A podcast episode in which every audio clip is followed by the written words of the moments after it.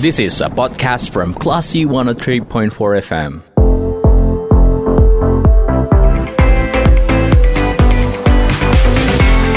Growing Up with Coach Alka, only on Classy FM.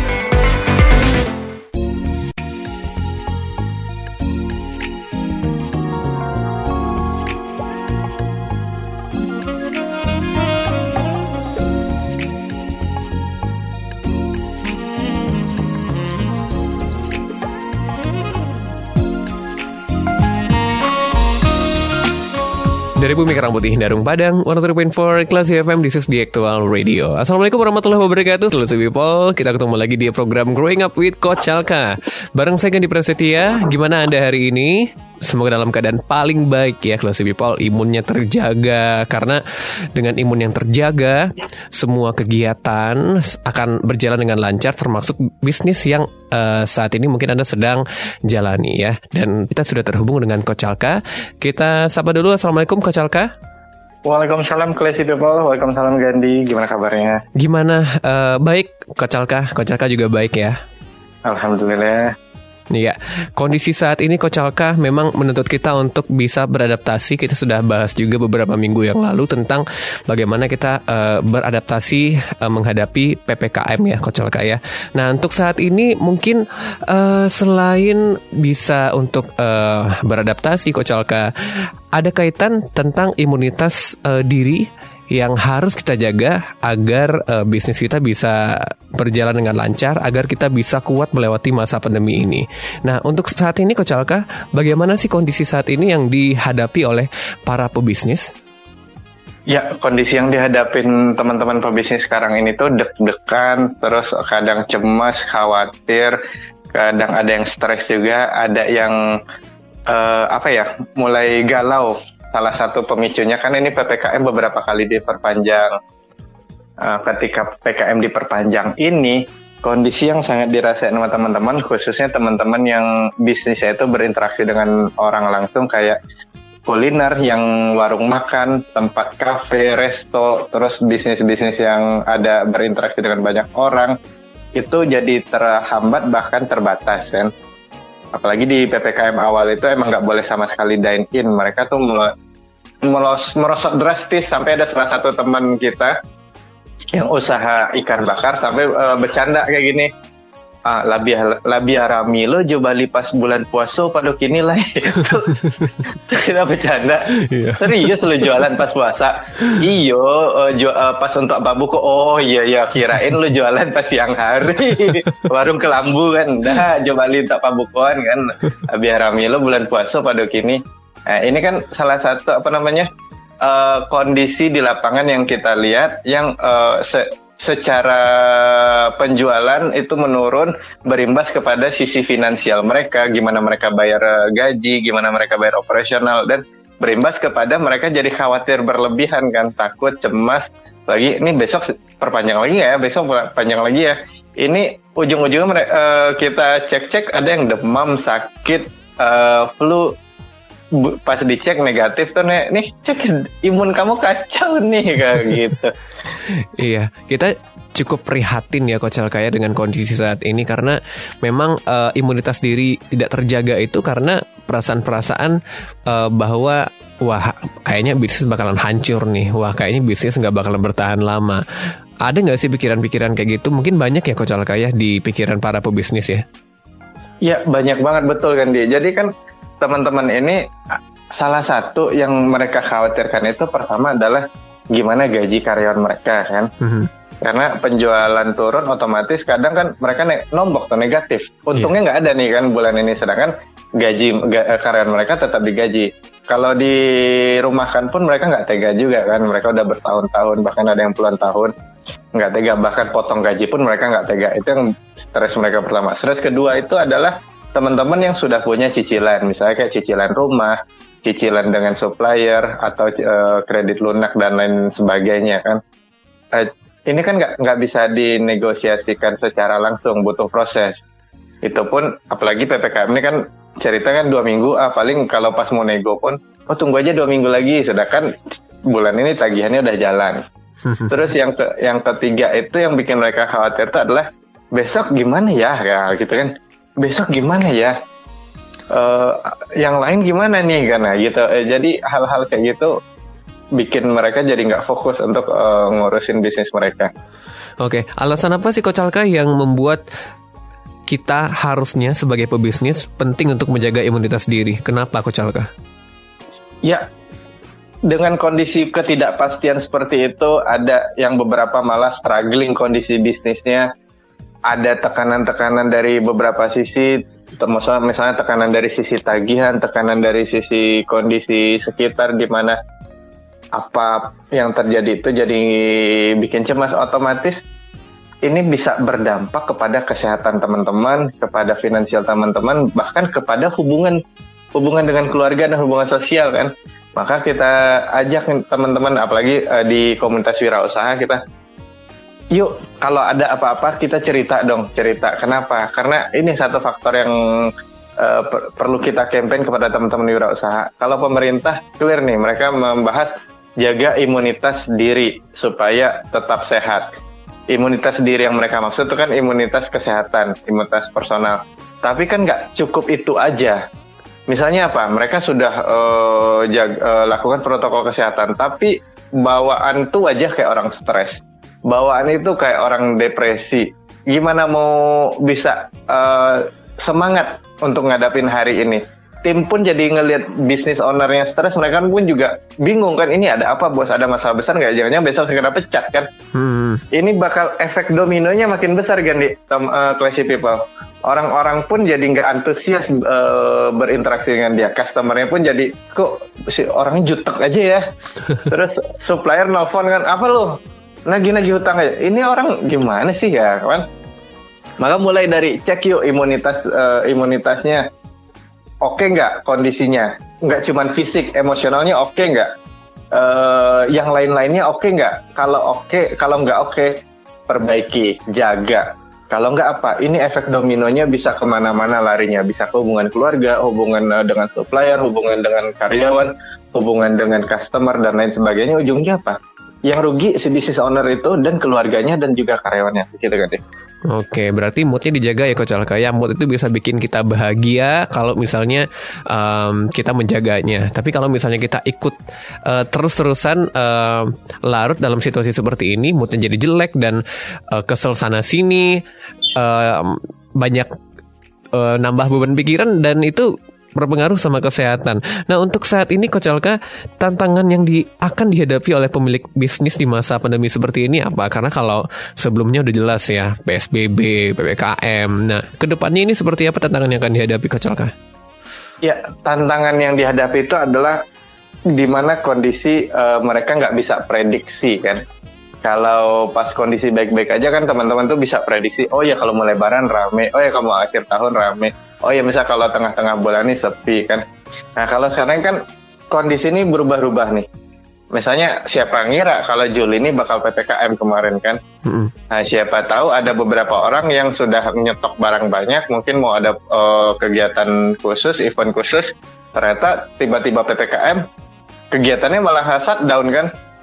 Duitnya udah nyangkut nih, misalnya mereka mau bikin event nih, event anggap nih kalau orang IO bikin event lomba, lomba motor misalnya kan di bulan Juli Agus, mereka udah stok nih, udah stok barang, udah stok eh, perlengkapan dan lain sebagainya. Tiba-tiba PPKM kan, Eh, barang yang sudah kebeli ini kan nggak bisa nggak bisa dibalikin lagi kan. benar. eh. Ya. Eh, pun dibalikin eh, negosiasinya pun panjang. Nah yang kayak gini kan bisa terjadi di hal-hal la- lain. Misalnya ada juga nih mereka eh, mau eh, anggap anggap dia mau jualan makanan nih, eh, dia mau opening di Juli, mau bikin eh, promo besar-besaran dia udah stok bahan nih bahan. Eh ternyata ppkm nggak bisa jualan. Ini bahan mentah basi kan Hmm. di frozen pun paling bisa tahan dua minggu tiga minggu oh, akhirnya zong kan nah, yang kayak kayak gini nih tantangan-tantangan ya- yang kita ajak teman-teman yuk bu, kita bisa bikin prediksi persiapan cuman siap untuk kemungkinan terbaik dan juga siap untuk kemungkinan terburuk maka teman-teman eh, punya apa namanya beberapa alternatif cara berpikir dan melihat untuk apa yang terjadi ke depan ini bisa dijalanin dengan baik juga nggak terlalu pesimis bahkan kan ada yang pesimis ya ini mungkin akan jalan sampai setahun dua tahun lagi. Ya betul, uh, boleh berpikir kayak itu supaya antisipasi. Tapi kalau berpikir kayak gitu bikin dia nggak ngapa-ngapain, ajakan saya udah jangan terlalu khawatir sampai setahun dua tahun. Fokus deh untuk dua bulan tiga bulan ke depan dulu apa yang bisa kita lakukan. Tantangan-tantangannya pasti bisa dilewatin deh, karena nggak cuma anda yang ngadapin, saya juga ngadapin, orang sekitar juga ngadapin. Jadi kita uh, bukan hal yang aneh kalau suatu saat ada kesulitan-kesulitan dan semua pasti ngalamin begitu kan ya. Iya, kita bersama-sama untuk melewati ini. Jadi you're not alone, jangan uh, stres sendiri. Kayak yang Coach Aka bilang tadi, sharing sama teman-teman karena um, karena bantuan itu pasti akan datang ya Coach Aka ya. Iya, betul. Yang paling perlu dikuatin salah satu kan adalah Anda punya lingkaran kan, punya teman-teman dekat yang benar-benar satu visi, satu frekuensi dan satu energi. Jadi sekarang ini kalau sendiri aja, kebayang lagi stres di dalam rumahnya nanti tiba-tiba kayak baygon tuh bawaannya kayak uh, sirup aja kan. Gawat kalau kayak gitu kan. Dikira itu kenapa kok diam aja? Oh itu lagi isoman. eh tahu taunya udah uh, keminum baygon ya. iya. Oke, okay, Coach Alka, uh, imunitas diri yang perlu dijaga oleh pebisnis ini kan memang harus ya suatu keharusan. Tapi apa saja sih? Uh, apakah cuma imunitas diri yang perlu dijaga oleh seorang pebisnis, Coach Alka? Ya, imunitas diri ini otomatis kan mencangkup beberapa hal. Kalau yang di campaign sama pemerintah kan yang dijaga tuh imunitas uh, kesehatan, yeah. daya tahan tubuhnya. Kan tidak hanya itu. Kalau kami ngerangkum tuh ada sekitar empat atau lima. Biar sederhana jadi empat deh uh, yang satu gerbong. Yang pertama itu ada imunitas personal. Imunitas personal tuh ber, uh, berbicara tentang uh, kesehatan dia, kebugaran tubuh dia yang kedua itu uh, adalah imunitas spiritual. Imunitas spiritual itu bagaimana dia bisa melewati ujian nih. Ini kan bisa dibilang nih tantangan ujian dari Allah Subhanahu wa taala. Hmm. Gimana dia bisa hakul yakin bahwa apa pun yang terjadi ini atas izin Allah dan selalu berprasangka baik berprasangka baik aja kan nggak cukup. Ada tindakan-tindakan yang perlu kita lakukan supaya imunitas spiritual kita ini tetap uh, kuat. Kenapa? Ada juga kok yang saya tahu ini dari Allah tapi ya Allah ini berat kali rasa pengen mati aja gitu kan. kan nggak gitu juga kan. Iya, iya. ini kan cuma dunia, saya pengen langsung ke akhirat aja lah gitu. Itu kacau imunitas spiritualnya kan. Uh -uh. Ya kalau langsung masuk surga kan kalau mampir ke neraka kok kan. Iya. Yang ketiga itu adalah imunitas sosial. Imunitas sosial ini gimana dia uh, memaintain hubungan dia dengan orang lain kan. Apalagi kalau posisinya itu nggak nggak baik kan? Utang banyak terus hubungan dengan keluarga kurang baik oh, terus hubungan dengan orang lagi kurang bagus. Ke mana-mana itu kayaknya dunia tuh oh kayak masalah aja. Keluar rumah masalah di rumah masalah ke kantor masalah ke pasar masalah gitu maka imunitas sosial jaga. Yang keempat itu yang jadi salah satu penguat tiga tiga um, tiga tiganya adalah imunitas finansial. Banyak orang bilang hidup ini bukan cuma soal duit, tapi hidup butuh duit kan. Bener. Enggak enggak semuanya uh, ngomong tentang duit. Ya, tapi semuanya terkadang agak agak terbantu ketika ada duit ah gitu. Maka finansialnya pun juga dijaga daya tahannya imunitasnya begitu kan. Menarik banget, menarik banget nih kalau si people karena kita akan bahas nanti di sesi berikutnya tentang imunitas pribadi personal ya. Kemudian imunitas spiritual gimana kita tetap bisa menjaga uh, imun kita uh, tetap berpikiran jernih terhadap uh, apa yang ujian yang diberikan oleh Allah saat ini, kemudian imunitas sosial dan imunitas finansial. Keep enjoy di Klasi FM, Klasi People, Anda masih bersama saya Gandhi Prasetya di program Growing Up with Coach Alka. This is a podcast from Classy 103.4 FM.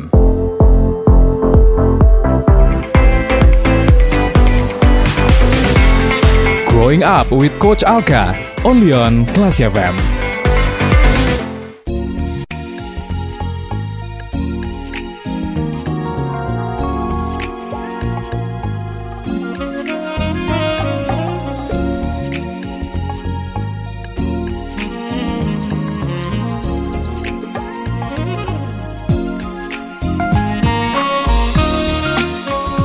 103.4 Classy FM, this is the actual radio Anda, Classy People masih mencermati Growing Up with Coach Alka Bersama saya Gandhi Prasetya Coach Alka masih uh, bersama kita di sana?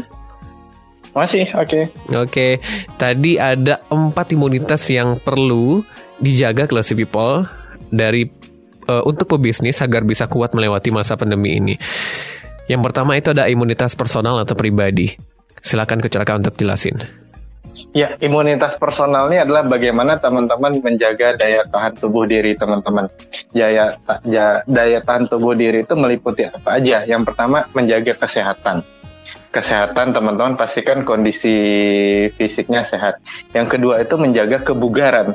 Sehat saja tidak cukup kalau tidak bugar. Kenapa? Misalnya uh, aktivitas sekarang kan cukup padat nih uh, kita pagi uh, di rumah, siang nanti di tempat usaha, nanti malam lagi ada aktivitas lain lagi, maka jaga kebugaran. Yang ketiga itu ke personal adalah jaga untuk mental kita, emosional kita. Jadi uh, ketika ada apa-apa kita bisa mental atau emosional kita ini lebih stabil. Caranya gimana?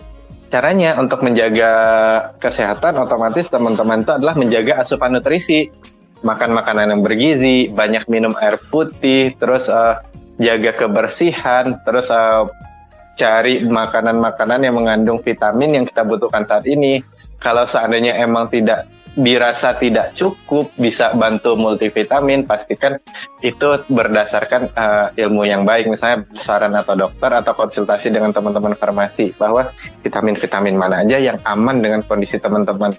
Dan juga nggak ada salahnya teman-teman gunakan check up check up yang dirasa perlu. Misalnya uh, teman-teman ngecek uh, bagaimana kondisi badannya medical check up yang sederhana gula darah asam urat kolesterol Kenapa? Bisa jadi uh, nanti kalau teman-teman paham kondisi teman-teman saat ini, ada pusing sedikit teman-teman tahu, oh iya kemarin kolesterol lagi tinggi, jadi nggak nggak worry. Kalau sekarang ini kan dikit-dikit jangan-jangan COVID, dikit-dikit jangan-jangan COVID, padahal kan belum tentu.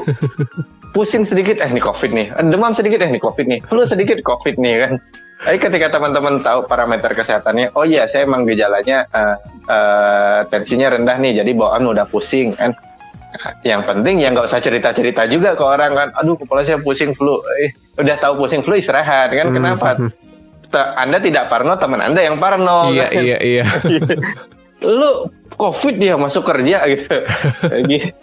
Eh, adanya berantem. Kalau berantem nah kesehatan emosional teman-teman yang nggak nggak nggak baik ya kan? Hmm. terus yang kedua jaga kebugaran kan? Jaga kebugaran ini jadi hal yang penting sekarang. Kenapa? Dulu orang uh, kalau kita di kampung, misal di desa, teman-teman di desa, mereka nggak usah disuruh jaga kebugaran karena mereka pagi-pagi emang per, kalau yang nggak punya air ke sungai itu udah masuk olahraga. Hmm. Habis itu mereka ke, ke kebun itu udah berjemur kan. Habis itu nanti mereka uh, apa namanya nebang pisang untuk makan itu mereka udah uh, angkat beban. Terus nanti mereka pergi ke pasar jalan jauh itu udah kayak jalan pagi. Jadi nggak usah kalau teman-teman di desa nggak usah kita ajarin itu udah kata mereka. Tapi berbeda kasus dengan kita kita yang di Padang nih, yang di wilayah kota. Yang antara jarak dari rumah ke tempat usaha aja udah langsung keluar rumah naik motor udah sampai tempat usaha kan? Nggak bergerak kan? Terus pagi-pagi jam 7 udah sampai tempat usaha. Habis itu di dalam aja kan? Habis itu nanti pulangnya udah jam 5 nggak ketemu matahari kan habis itu nanti uh, makan makan makan. Habis itu duduk duduk tidur. Nggak dibakar kalorinya kan? Nah ini kan tidak sehat. Apa uh, pengaruhnya? Pengaruhnya adalah kebugaran tubuh dia stamina dia fisik dia. Maka luangkan waktu teman-teman yang pasti. Yang pertama itu adalah olahraga pagi. Minimal 15 menit untuk memastikan bahwa seluruh tubuh teman-teman itu diaktifasi, persendiannya diaktifasi, so, uh, pergelangan tak apa semua anggota tubuhnya itu diaktifasi, mereka di uh, bergerak kan. Terus yang kedua adalah usahakan uh, latihan kardio, apakah mau jalan pagi, mau lari pagi, mau sepeda, mau berenang bebas. Yang penting adalah uh, ada aktivitas yang membakar kalori Kenapa? Untuk teman-teman yang wirausaha, saya seringnya melihat, mungkin ada beberapa yang punya habit olahraga bagus, bahkan langganan fitness, tapi seringnya melihat mereka emang oh pagi-pagi tuh musik ah, uh, CPT ya, CPT ya. Ketika ngomong CPT ini dah uh, olahraga nomor dua kan, kebugaran nomor dua. Nanti pada satu titik ketika ada masalah, kondisi fisiknya nggak bagus, langsung ngedrop sakitnya bisa tujuh hari sampai 10 hari kan. Nah. Itu kan ya apalagi nanti pas lagi ngedrop datang deh virus covid kan Nah, jadi nggak enak kan udah badan nggak enak virus datang jadi double double kill kalau kata teman-teman yang suka main uh, game kan Iya, tapi itu bener banget loh Coach karena saya pernah merasakan di kondisi itu yang uh, kalau kerja seharian duduk aja itu emang apa ya kayak badan itu nggak enak. Terus coba olahraga dan justru uh, setelah olahraga itu badannya jadi mendingan.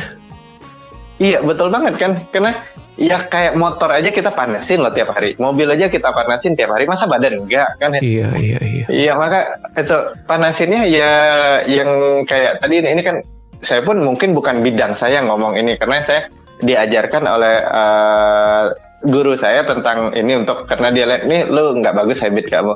Cukup kerjakan dua ini maka saya pahamnya cuman baru itu. Saya hanya share apa yang saya lakukan. Mungkin teman-teman yang uh, yang lain ada yang lebih bagus sarannya Cuma kalau dari yang saya lakukan dan ini it works adalah ya kita aktivasi uh, persendian kita apa, apa uh, seluruh tubuh kita dengan olahraga-olahraga 15 menit. Pilihannya bisa banyak. Bisa kayak kita stretching kita eh, lari-lari kecil kita bisa squat jump push up dan lain sebagainya. Yang pastikan dengan olahraga kecilnya itu seluruh badan kita aktif kan terus lakukan yang kedua kardio kan kardio jalan lari sepeda dan lainnya itu untuk pembakaran kalori kan itu kalau rutin yakin deh uh, komposisi apa namanya yang nggak dibilang tadi tubuh kita dia setimbang lagi udah udah siap lagi untuk aktivitas seharian. Kalau enggak seperti yang kalian di pegel-pegel, bangun tidur pegel-pegel, udah tidur pun masih pegel-pegel. Orang Minang bilang rangki-rangki kan. Iya. Iya, wajar aja kan kayak mesin mobil nggak dipanasin tiba-tiba ya berebet kan kayak ber gitu. Iya, itu kalau kita itu cara-cara yang bisa kita lakukan untuk menjaga imunitas uh, fisik kita, imunitas pribadi dan personal kita ya kelas people. Kalau spiritual, yeah. nah ini kayaknya lebih uh, penting gak sih Coach Alka atau gimana? Oh iya betul. Oh iya sebelum spiritual saya juga belum bahas yang bagian sisi emosional. Karena emosional nanti relate ke spiritual tadi kita ngomong imunitas fisik kan? Diri itu kita ngomong tentang fisik yang kedua tentang emosi. Hmm. sebelum kita bahas ke spiritual. Emosi ini kan tentang bagaimana diri kita bisa menerima. Karena kan apa? Apa sih yang bikin orang tuh mudah marah? Gitu sih bikin orang tuh uh, mudah kesel mudah ngambek. Biasa mereka nggak bisa menerima kondisi yang sesuai mereka ekspektasi. Kondisi yang ada mereka uh, dia punya ekspektasi terus dia ketemu kondisi. Dan itu ada gap. Contoh saya berharap omset omset saya hari ini misalnya eh, satu uh, juta misalkan. Ekspektasinya gitu kan. Eh kenyataannya cuma seratus ribu. Seratus ribu kan nggak nggak apa nggak nggak sesuai dengan ekspektasi. Secara fisik nggak ada ngaruh apa-apa kan. Baik-baik aja. Tapi kok oh langsung ngedrop dia. Jangan-jangan itu dia eh, kondisi emosional langsung ngedrop. Langsung sedih kecewa marah. Kok cuma seratus ribu kan ya? Padahal padahal kalau dia bisa aja nerima dan ini saya eh, dari beberapa kejadian banyak orang yang bikin mereka nggak nggak bisa berpikir baik. Karena dia nggak terima. Nggak terima kondisi ini. Dan nggak terima ini banyak faktor. Yang pertama nyalahin keadaan. Nyalahin keadaan tuh misalnya nyalahin oh, orang nggak ada belanja nih gara-gara ppkm gara-gara itu gara-gara ini itu yang pertama. Yang level 2 tuh adalah nyalahin diri sendiri kan.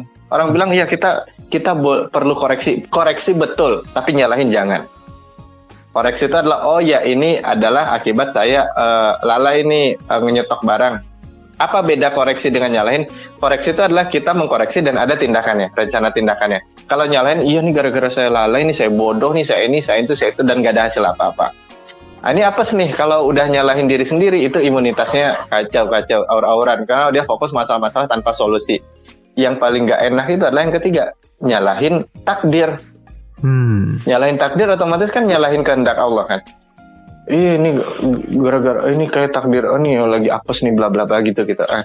Nah ini saya ajak teman-teman untuk supaya emosionalnya sehat. Tahap awal yang pertama tuh adalah terima, terima, terima apa pun yang terjadi. Kenapa? Satu prinsipnya, Allah selalu kasih yang terbaik untuk hambanya. Masalah sebesar apa pun dikasih itu sebenarnya maksudnya baik bisa jadi untuk dia latihan, bisa jadi untuk dia pembelajaran, bisa jadi itu untuk peringatan. Ketika sudah terima, baru kita bisa rencana. Rencana kita apa dari sini? Dari yang kita punya resource-nya apa? Habis itu baru setelah rencana lakukan tindakan. Nah, dari sisi emosional, yang paling kuat itu adalah terima terima kita sadar nih kita sadar kondisi saat ini dan kita terima itu uh, per, imunitas emosi yang perlu teman-teman bangun mungkin kalau aspeknya banyak cuman dua kata terima dan uh, jalankan terus uh, dari situ relate-nya apa ke ke spiritual lagi kan ke spiritual itu bagaimana kita bisa tadi kan gimana kita bisa nerima dengan mudah. Kenapa? Banyak kasus kok yang kejadian itu tidak sesuai dengan ekspektasi. Prinsipnya apa? Prinsipnya adalah kita yakin apa pun yang Allah kasih itu adalah yang terbaik untuk kita. Dan yang terbaik menurut Allah. Hanya saja mungkin kita belum tahu apa sih maksud baik dari kejadian ini. Tapi kan ini saya jadi gini, iya, iya betul. Cuman yuk kita lihat sisi baiknya apa. Kira-kira dari kejadian kita bisa apa?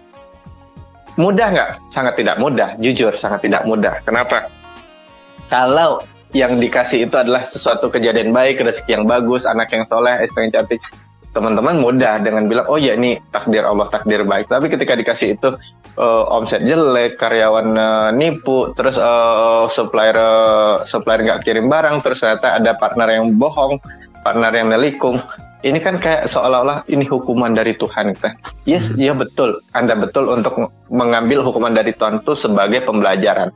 Karena siapa tahu emang ada dosa-dosa sebelumnya. Tapi itu nggak jadi apa-apa kalau cuma sampai segitu. Cuma, terus gimana? Kalaupun yes mungkin ini hukuman dari Tuhan karena Tuhan ingin saya memperbaiki diri saya. Ah, di kalimat keduanya nih, bak penerimaan bahwa maksudnya baik. Maksudnya baik. Terus supaya apa? Dari sini saya belajar bahwa ternyata percaya sama orang tuh betul, cuman uh, koreksi dulu apa uh, cek detail itu perlu percaya sama orang itu betul, bukan bukan sesuatu yang dilarang tapi koreksinya, double checknya, kontrolnya perlu jalan. Kenapa? Ketika ada hal-hal yang tadi kita bisa tahu ketika supplier nggak kirim barang, ketika partner ada yang nipu, ketika ada karyawan yang nyuri, kita lebih cepat antisipasi. Yang kedua ada apa? Kita jadi tahu apa lagi yang perlu saya tingkatkan di diri saya Oh iya betul. Saya yakin betul. Yakin yakin aja. Tapi kan yakin aja tidak cukup. Teman-teman perlu punya ilmu. Ada ilmu yang namanya ilmu keuangan ada ilmu yang namanya ilmu operasional dan lain sebagainya. Itu sisi untuk kita bisa menguatkan spiritual kita bahwa kita yakin nih setiap takdir Allah itu baik. Terus yang kedua apa yang ingin dilakukan? Banyak-banyak sedekah kan? Banyak-banyak sedekah banyak-banyak berdoa. Kenapa? Karena salah satu ketika ada bermasalah salah satu untuk merilis masalah ini setelah teman-teman menerima ini takdir baik adalah teman-teman banyak bersedekah. Kenapa? Uh, ada satu kejadian tuh uh, teman kami dia banget banget banyak masalahnya kan uh, mulai dari sisi keluarga, bisnis dan lain sebagainya dan stuck nih stuck. Akhirnya ada salah satu teman kita kan, uh, lu masih sedekah gak? Masih kan? uh, kapan terakhir kemarin lusa apa hari Jumat? Boleh tahu nggak berapa? 100 kan? Bagus. Nah, sekarang mau nggak masalahnya itu lebih ringan apa? Berapa angka yang rasanya berat nih, berat ngeluarinnya? Berapa ya? Berapa? Sebut deh. Uh, eh, 200 berat nggak? Enggak sih. 300 berat nggak? Enggak sih. 500 berat nggak? Hmm, mulai mikir. Agak berat sih. Agak berat ya, tapi bisa ngeluarin bisa. Sejuta berat nggak? Ah berat tuh. Serius berat, ya. Ya udah, uh, sedekahin sejuta kan. Tapi kan ini duit uh, ya iya. Coba deh ikutin praktekin kan. Akhirnya benar dia. Ya sumbangin sejuta dan tiba-tiba besok ada aja yang tiba-tiba supplier ngomongin minta maaf kemarin ppkm uh, eh, tertunda maka barang sekarang udah bisa dikirim. Terus tiba-tiba nanti ada aja teman yang piutang datang balikin duitnya. Tiba-tiba si karannya nipu nih uh, ada yang ngelaporin. Ternyata ada orang lain ngetipu lagi. Akhirnya udah ditangkap dan sebagainya. Eh keren keren kan?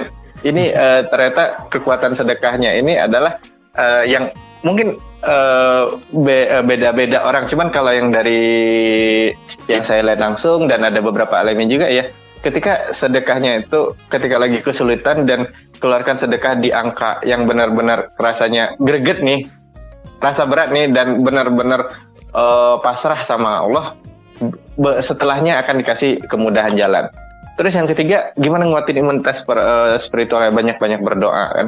Banyak-banyak berdoa, ber, berdoa berprasangka baik, doa habis sholat, doa pas duduk, doa pas tenang-tenang. Karena di momen-momen sekarang kan banyak waktu-waktu kosong, banyakin berdoa dan berzikir. Terus yang keempat tuh banyakin menyenangkan orang lain. Hmm. Banyakin menyenangkan orang lain kan banyak cara. Ada mungkin su, su- eh, sumbang makanan, ada menyapa. Ja- kadang just cuman sekedar tanya kabar, tanya kabar via telepon teman-teman yang jarang terhubung, tanya kabar terus doakan mereka. Dan mereka senang. Ketika mereka senang, ada banyak eh, hal-hal yang baik eh, terjadi sama kita. Dan untuk yang lainnya teman-teman bisa lihat, ibadah-ibadah yang dirasa bisa meningkatkan imunitas tubuh dia. Seperti banyak istighfar, salawat, terus eh, ramai eh, sering ke masjid. Itu yakin deh imunitas spiritualnya naik, imunitas eh, eh, tubuhnya juga naik. Dan selalu nanti banyak hal-hal yang baik akan teman-teman temukan setelahnya begitu Kati. Iya, kita bantu orang, Allah akan bantu kita lebih banyak lagi ya Coach Alka ya. Yes, betul sekali. Iya, Eh, kita akan segera kembali untuk Anda Classy People, jangan ke mana-mana. Keep in di 103,4 Classy FM di Actual Radio. This is a podcast from Classy 103.4 FM.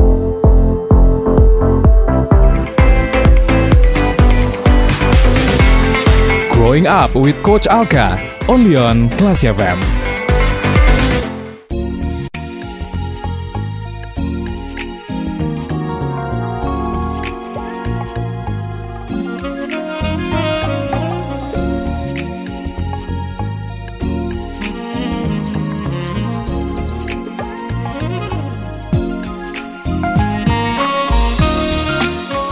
One Classy FM di Assist di Actual Radio Classy People Kita masih di program Growing Up with Coach Alka Pandemi katanya akan bisa diatasi oleh Indonesia di tahun 2026 Eh, Statement ini kayaknya bakal mengganggu banyak imunitas seorang nih Coach Alka Gimana tanggapan Coach Alka?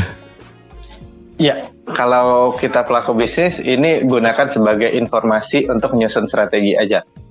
Ketika informasi ini bikin worry berlebihan, khawatir berlebihan, cut. Uh, stop dulu kan. Tarik nafas dulu, lihat oke 2026 berarti akan ada yang dibaca tuh akan ada beberapa pengetatan-pengetatan terjadi selama periode itu. Akan ada edukasi-edukasi. Oke, berarti dari situ yang perlu saya lakukan adalah adaptasi Yes adaptasi adaptasi dengan kebiasaan-kebiasaan baru adaptasi dengan protokol kesehatan adaptasi dengan perubahan eh, gaya hidup perubahan perilaku customer bahkan perubahan perilaku masyarakat secara umum. Maka apa yang perlu dilakukan?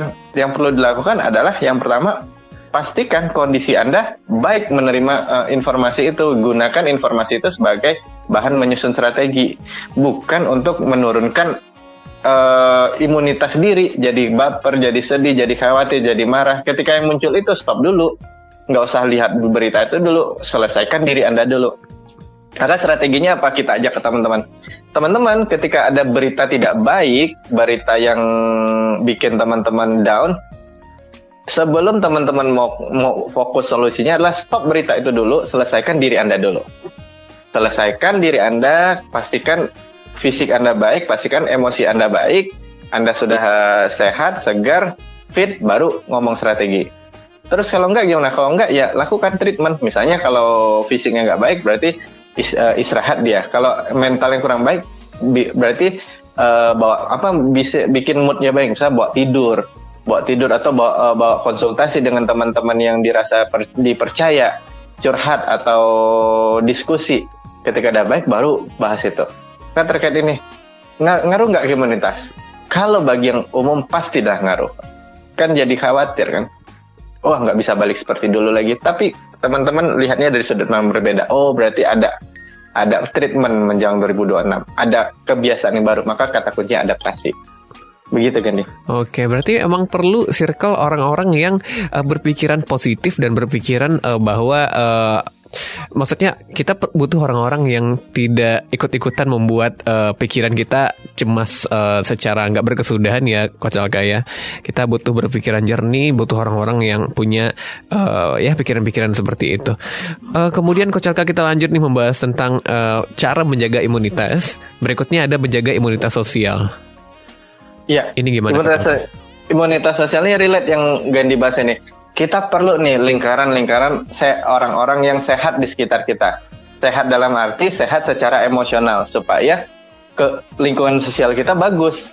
Jadi apa? Yang pertama itu pastikan orang-orang terdekat Anda, circle-circle Anda itu orang yang punya vibrasi positif, vibrasi yang memberdayakan. saling support bukan yang suka ngeser-ngeser oh hoax yang bikin orang stres kan sekarang kan ada ada uh, Pak Meo uh, apa info valid yang paling anda percaya? Oh koran A salah. Koran B salah. Media online A salah apa? WA keluarga.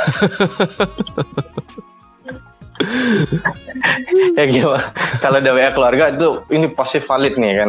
Cuma kita ingetin kalau ceritanya bikin uh, stres uh, dan hoax ya kita perlu ingetin.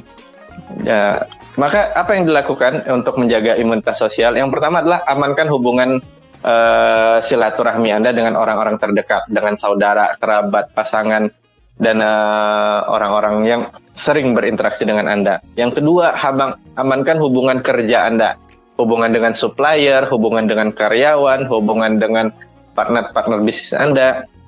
Yang ketiga adalah uh, bangun relasi yang positif, yang saling menguatkan, yang saling uh, support pada orang-orang sekitar Anda. Ketika mereka butuh pertolongan, Anda bu Anda tolong. Ketika Anda butuh pertolongan, Anda jangan sungkan-sungkan bilang saya butuh pertolongan. Kenapa? Pada dasarnya hukum reciprocity orang ketika sudah di, diberi dia ingin memberi balik. Ketika anda tidak memberi celah, mereka jadi uh, apa namanya kikuk. Grogi misalnya gini, uh, Gandhi sering bantuin orang nih, otomatis secara nggak langsung oh, mikir suatu saat kalau Gandhi butuh pertolongan orang bakal bantu kan. Uh-uh. Tapi Gandhi sendiri nggak nggak ngasih celah. Saya nggak butuh uh, pesan yang dikasih, saya nggak butuh bantuan kamu kan. Akhirnya hubungan kita kan jadi renggang yang terjadi Gani nggak percaya sama saya kalau saya bisa bantu dia.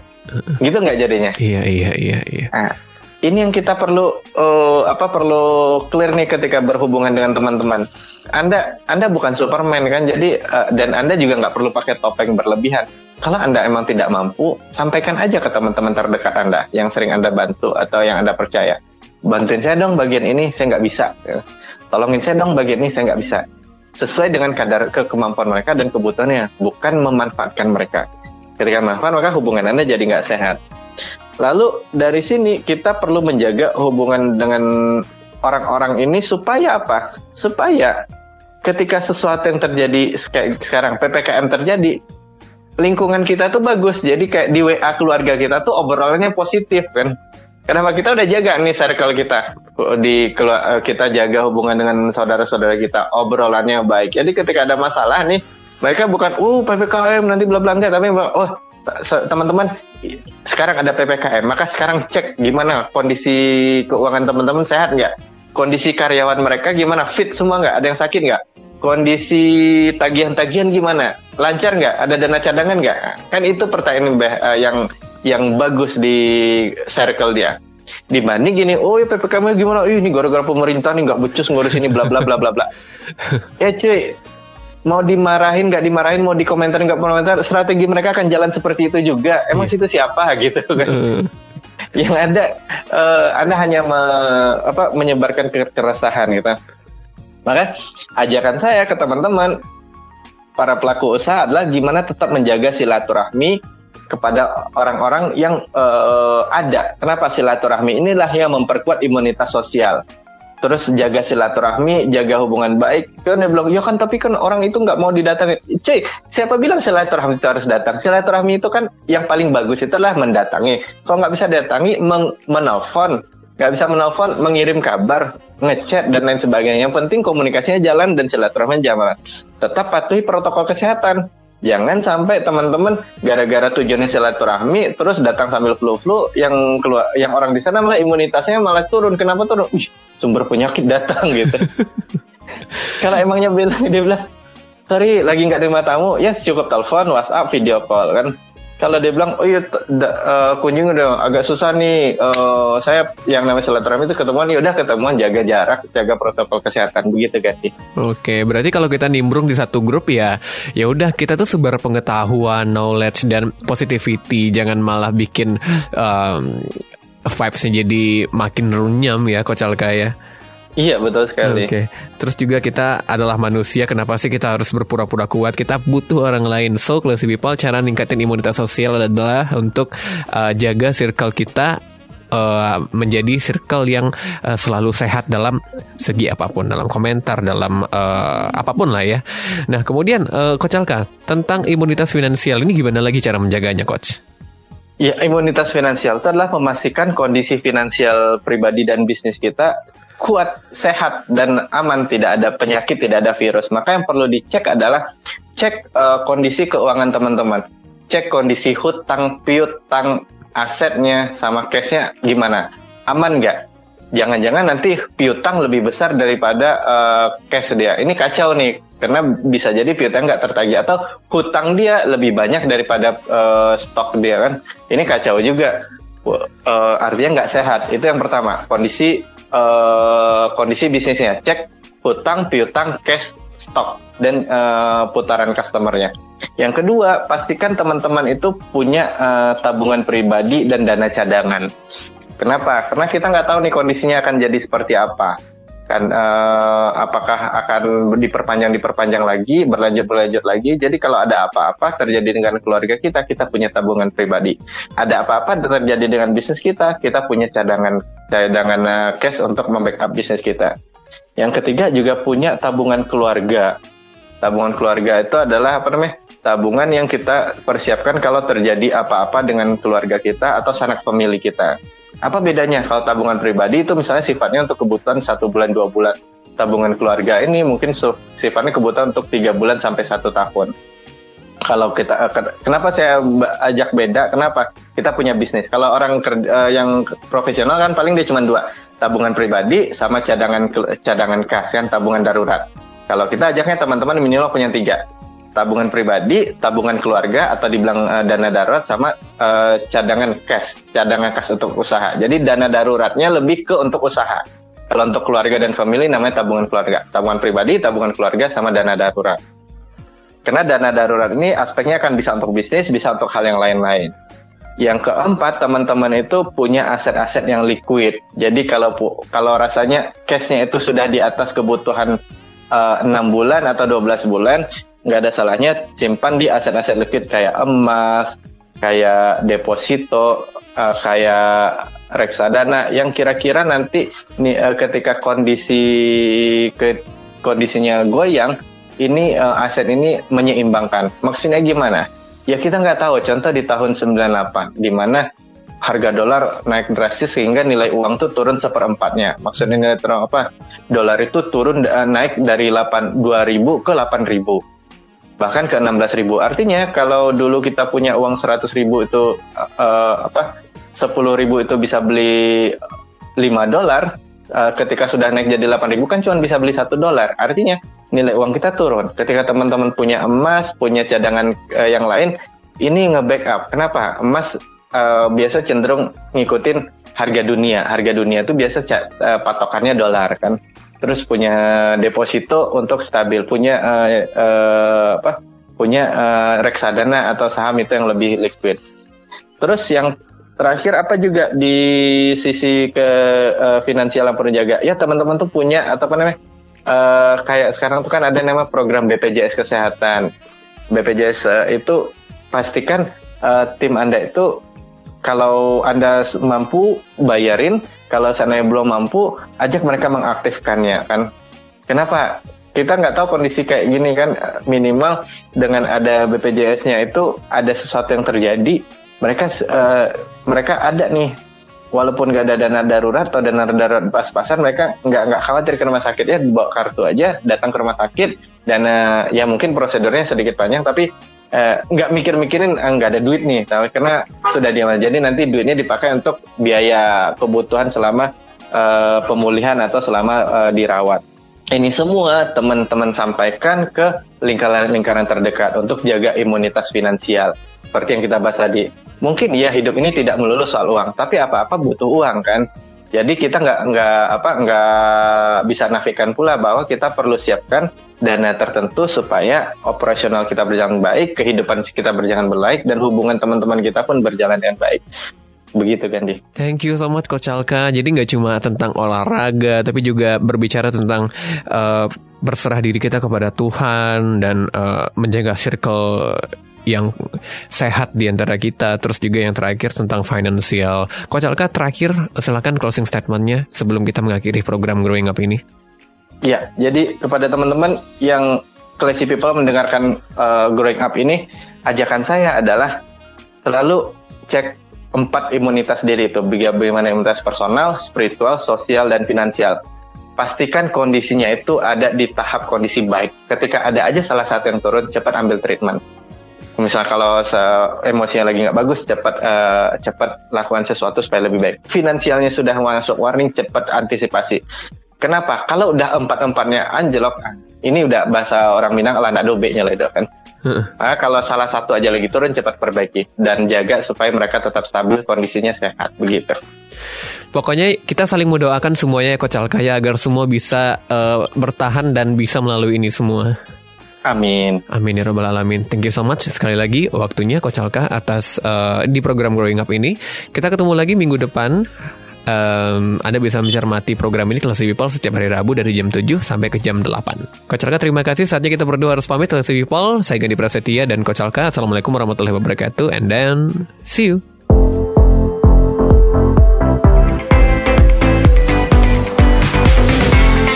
Anda baru saja mencermati Growing Up with Coach Alka. See you. This is a podcast from Classy 103.4 FM.